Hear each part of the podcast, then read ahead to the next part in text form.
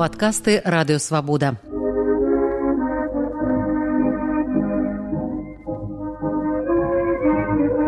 Сто гісторый пра БНР Сергеем шупам.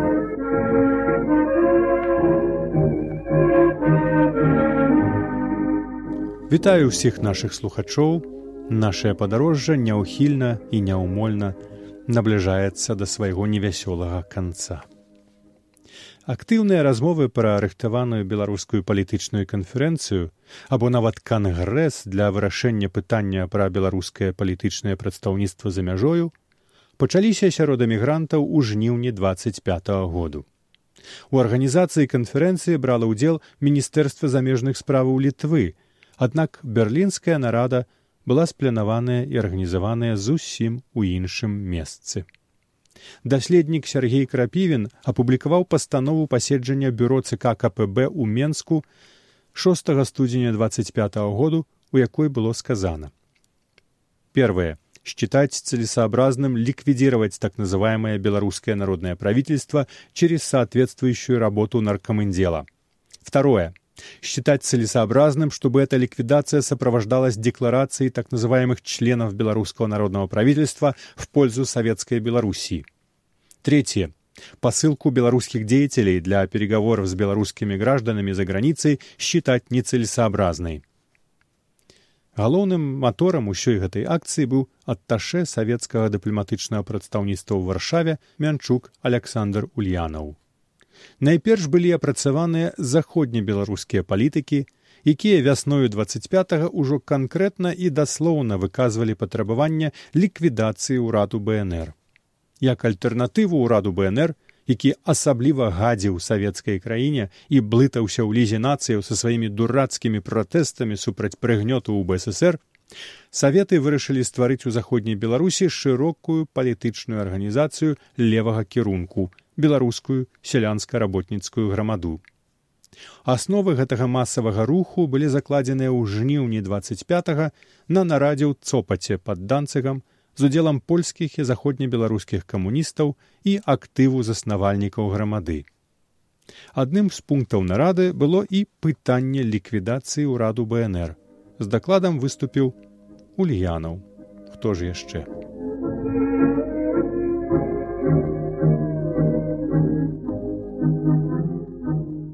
24 жніўня 25 Янка Станкевіч перадае ластоўскаму тэрміновае паведамленне ад краёвага цэнтру, канкрэтна ад ксяндза Адама Станкевіча. Другога верасня ластоўскі і цвікевіч мусяць быць у данцыгу, дзе з імі ў вельмі важнай справе будуць гаварыць людзі з краёвага цэнтру. Сустрэча адбылася ў аліве прадмесці данцыгу. На ёй прысутнічалі ластоўскі, цвікевіч, тарашкевіч, ярэміч, Адам Станкевіч. У сваіх паказаннях на следстве ў справе саюза вызвалення беларусі ў трыццатым годзе вацлаў ластоўскі расказваў пра тую сустрэчу цвікевічам была пастаўленая прапанова аб ліквідацыі ўраду бнр. Я выступаў супраць ліквідацыі бо мне здавалася што з ліквідацыі ўраду бнр не будзе за мяжою голасу на карысць беларускага народнага руху.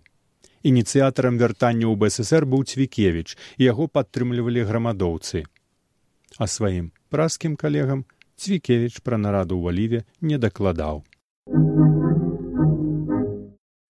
Праскім калегам крачэўскаму і захарку цвікевіч падаў мэту рыхтаванай канферэнцыі так кансалідацыя сілаў і аб'яднання вакол прэзідыуму рады і ўраду бнр усяго беларускага нацыянальнага фронту. Далейшыя падзеі Васіль Захарка апісвае ў сваіх галоўных момантах беларускага руху.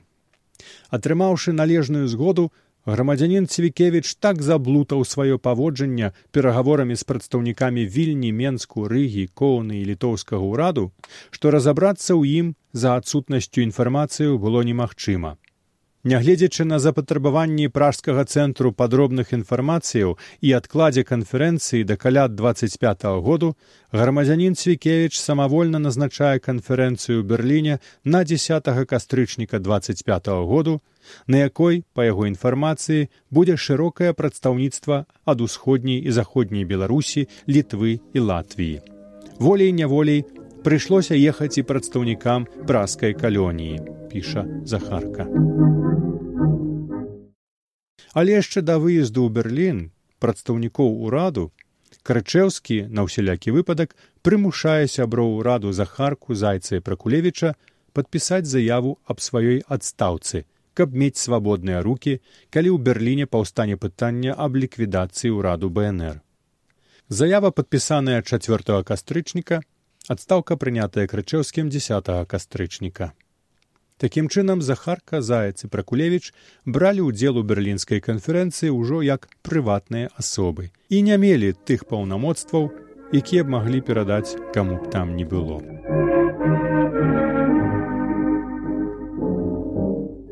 Парадак дня нарады, на якую з'ехалася ўсяго 17 чалавек, не прадвяшчаў нічога надзвычайнага.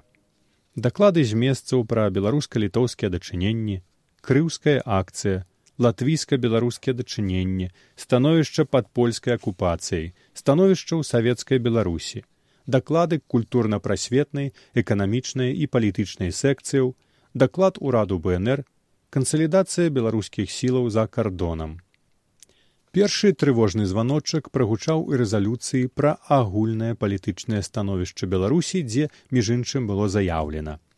Нарада вызнаюць усю надзвычайную важнасць імкнення радавай Беларусі да здзяйснення нацыянальна-дзяржаўнага ідэалу беларускага народу і, вызнаючы менскі як цэнтр беларускага адраджэння, лічыць усякія спробы актыўнай барацьбы супраць яго здрадай справе вызвольнага беларускага руху рэзалюцыя гэтая была прынятая з мінімальнай адзін голас перавагай. За рэзалюцыю галасавалі і заяц пракулевічам, якія, як пісаў пазней крычэўскі, пад гіпнозам цвікевіча пайшлі на здрадны крок авантурнага рэвалюцыянізму, сепаратнага сходу ўраду, без прысутнага на канферэнцыі захаркі і 15 кастрычніка падпісалі пратакол прызнання савецкай беларусі.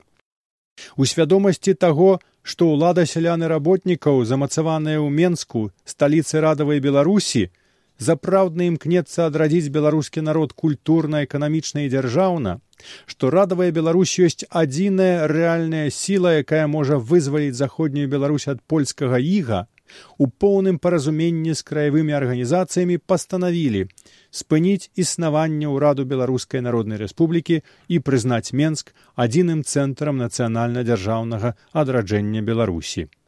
Подпісалі цвікевич заяц пракулевич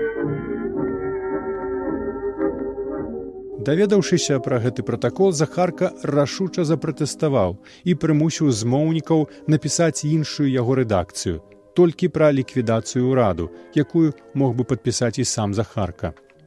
У звязку з сучасным становішчам беларусі заходняя часть якой знаходзіцца пад акупацыяй польшчы а ўсходняя творыць беларускую савецкую рэспубліку ў складзе сацыялістычнага савецкага саюзу у мэтах аб'яднання ўсіх сіл народу для яго поўнага нацыянальна-сацыяльнага вызвалення у поўным паразуменні з краявымі беларускімі арганізацыямі пастанавілі абвясціць ад сённяшняго дня ўрад беларускай народнай рэспублікі з ліквідаваным і спыніўшым сваю дзейнасць. Пад гэтым пратаколам ужо стаяць подпісы захаркі цвікевіча зайца і пракулевіча. Аднак умяшання захаркі нічога не змяніла. Цвікевіч перадаў прыёмшчыкам з менску абедзве рэдакцыі пратаколу. У бюро цэнтральнага камітэта камуністычнай партыі бальшавікоў беларусі 22 кастрычніка 25 адбылося закрытае пасяджэнне на якім было пастаноўлена первое признать что а исход конференции подтвердил правильность позиции бюро ЦК КПББ, занятой им в этом вопросе. Б. Товарищ Ульянов выполнил целиком и полностью директивы бюро ЦК КПББ в деле проведения конференции. Третье. Признать целесообразным опубликование резолюций, принятых на конференции в Берлине, как в нашей, так и в заграничной прессе. Пятое. Разрешить въезд в БССР Головинскому, Цвикевичу, Прокулевичу и Зайцу. Оказать поддержку Головинскому и Цвикевичу по 400 долларов. До конца 1925 года былы старшыня ўраду цвікевіч з паплечнікамі былым дзяржаўным кантралёрам зайцам і былым дзяржаўным сакратаром пракулевічам выехалі ў Менск.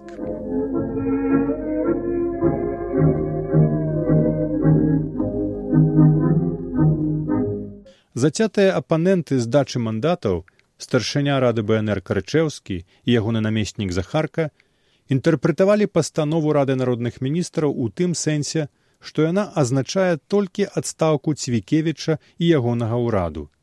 Ніякія пратаколы аб здачы мандатаў і ліквідацыі ўраду БНР без зацвярджэння старшынём прэзідыуму рады БНР не мелі юрыдычнай сілы. Старшыня прэзідыуму рады Пётра Крычэўскі праз год напіша пра берлінскія падзеі выйшла падвойная авантура. Замест ліквідацыі ўраду як установы Цвікевіч ліквідаваў толькі сябе і сваіх таварышоў зайца і пракулевіча. Такім чынам Цвікевіч і кампанія ліквідавалі сябе і выкінулі свае імёны з беларускай незалежніцкай групы, але установа акурат засталася. Выканаўчая ўлада да часу перайшла ў рукі прэзідыуму рады і можа быць узноўлена, калі гэта будзе патрэбна.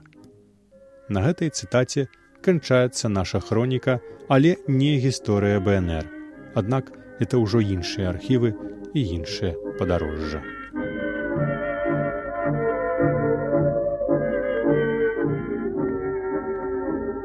Вы слухали падкаст радыёвабода. Усе падкасты свабоды ў інтэрнэце на адрасе свабода кропка орг. Штодня у любы час у любым месцы, калі зручна вам. Свабода кропка орг. Ваша свабода.